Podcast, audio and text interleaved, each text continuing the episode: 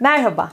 Anne ve babanın çocuğun sosyal duygusal gelişimini uygun şekilde desteklemesi için mizacını iyi anlaması çok önemli. Peki, çocuğunuzu mizacını da göz önüne alarak nasıl destekleyebilirsiniz? Yeni bir ortama girdi, bacağınızı bırakmıyor, arkadaşları iken istemediği bir şey oldu ve çok öfkeli tepkiler veriyor. Böyle durumlarda neler yapabilirsiniz? Çocukları mizaçlarına uygun olarak desteklemenin 7 anahtar yöntemi nelerdir? Bunları konuşacağız. Birinci anahtar yöntem.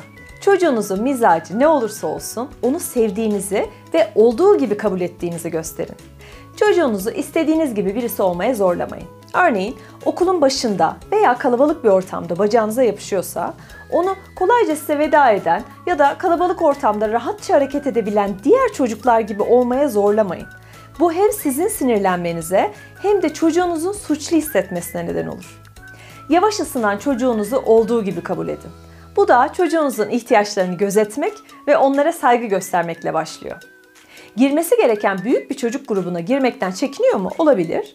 Onu içinde tanıdığı diğer birkaç kişi olan daha küçük bir gruba yönlendirin. Zorlandığında hissedebileceği duyguların doğal olduğunu söyleyin. Kabullenici ve destekleyici bir tutum çocuğunuzun en önemli duygusal ihtiyacıdır. İkinci anahtar yöntem. Teşvik edin, cesaretlendirin ancak karşılaştırma yapmayın. Yeni yiyecekler denemek veya bir parkta diğer çocuklarla oynamak gibi şeylerin onun için iyi olacağını düşünüyorsanız denemesini sağlayın. Çekindiği veya zorlandığı durumlarda denemesi için onu cesaretlendirin, gerektiğinde yardım edin ancak başka çocuklarla kıyaslamayın.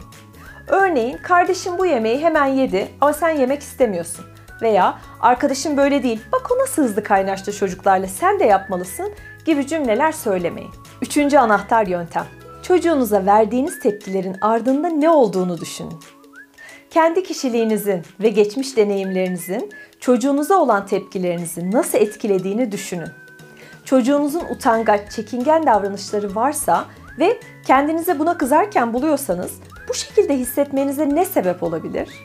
Belki siz de küçükken utangaç bir çocuktunuz ve çocuğunuzun sizin gibi olmasını istemiyorsunuz. Ya da her zaman çok cesur ve girişkendiniz ve çocuğunuz sizden çok farklı olduğu için hayal kırıklığına mı uğradınız?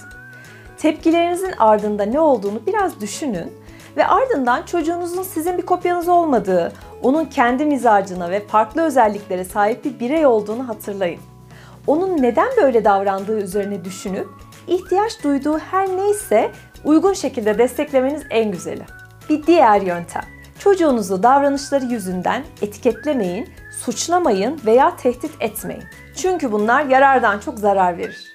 Çocuğunuzu yaptığı davranışlarından dolayı suçlu veya utanmış hissettirecek etiketlerden kaçının. Örneğin o kadar utangaç olma demek, kendin gibi davranma demek gibidir. Veya ne var bunda korkacak yap şunu demek, bunu yapabilmek için desteğe ihtiyacım var ve ben bu desteği vermiyorum demektir. Aynı şekilde çocuğunuzun istediğiniz bir davranışı göstermesi için onu utandıracak ya da suçlayacak sözler söylemeyin. Örneğin tabağındaki yemeği bitirmezsen kötü bir kız olursun demek suçluluk duygusu hissettirerek ona bu davranışı psikolojik dayatma ile yaptırmaya çalışmak olur. Aynı şekilde bana kızdığında bana vurursan bir daha seni sevmem demek çocuğun istenen davranışı yapması için onu sevmemekle tehdit etmek demektir ve yine psikolojik dayatma ile çocuğunuzu belirli bir davranışa yönlendirmeye çalışmak olacaktır. Tüm bunlar farkında olmadan sıklıkla yaptığımız ancak çocukların sosyal duygusal gelişimini olumsuz etkileyen davranışlar. Bu gibi durumlarda istediğiniz davranışı neden yapması gerektiğini ve yapmadığı durumda davranışının sonucunun ne olacağını çocuğa açıklamak en doğrusu. Beşinci yöntem. Duygularını ifade etmesini sağlayın, onu dinleyin, anladığınızı hissettirin, yönlendirin. Çocuğunuz oyun oynarken, arkadaşlarıyla beraberken veya istemediği bir durumda üzülüyor, ağlıyor, bağırıyor veya içine kapanıyor olabilir. Bu durumda çocuğunuzla sakin bir şekilde konuşun. Zaman zaman bunu yapmak çok zor olabiliyor, bunun farkındayız. Ne hissettiğini anlatması için onu bekleyin, dinleyin. Ardından ona sorunu ile başa çıkabilmesi için önerilerde bulunabilir, yönlendirebilirsiniz. Altıncı anahtar yöntem. Çocuğunuzun karşılaştığı yeni durumlarda nasıl davranacağını öğrenmesi için ona zaman ayırın. Örneğin yeni bir köpeğe nasıl davranacağını açıklamak onu hazırlar. Çok fazla ellerini ve kollarını kıpırdatma. Köpek korkabilir. Köpeğin seni görebilmesi için çömelerek onun boyuna yaklaşabilirsin. O zaman sana zarar vermez. Demek çocuğunuzun o durumda nasıl davranabileceğini ona öğretir. Başka bir eve taşınmak, şehir değiştirmek veya farklı bir okula devam etmek de çocuklar için yeni ve sürprizli durumlardır.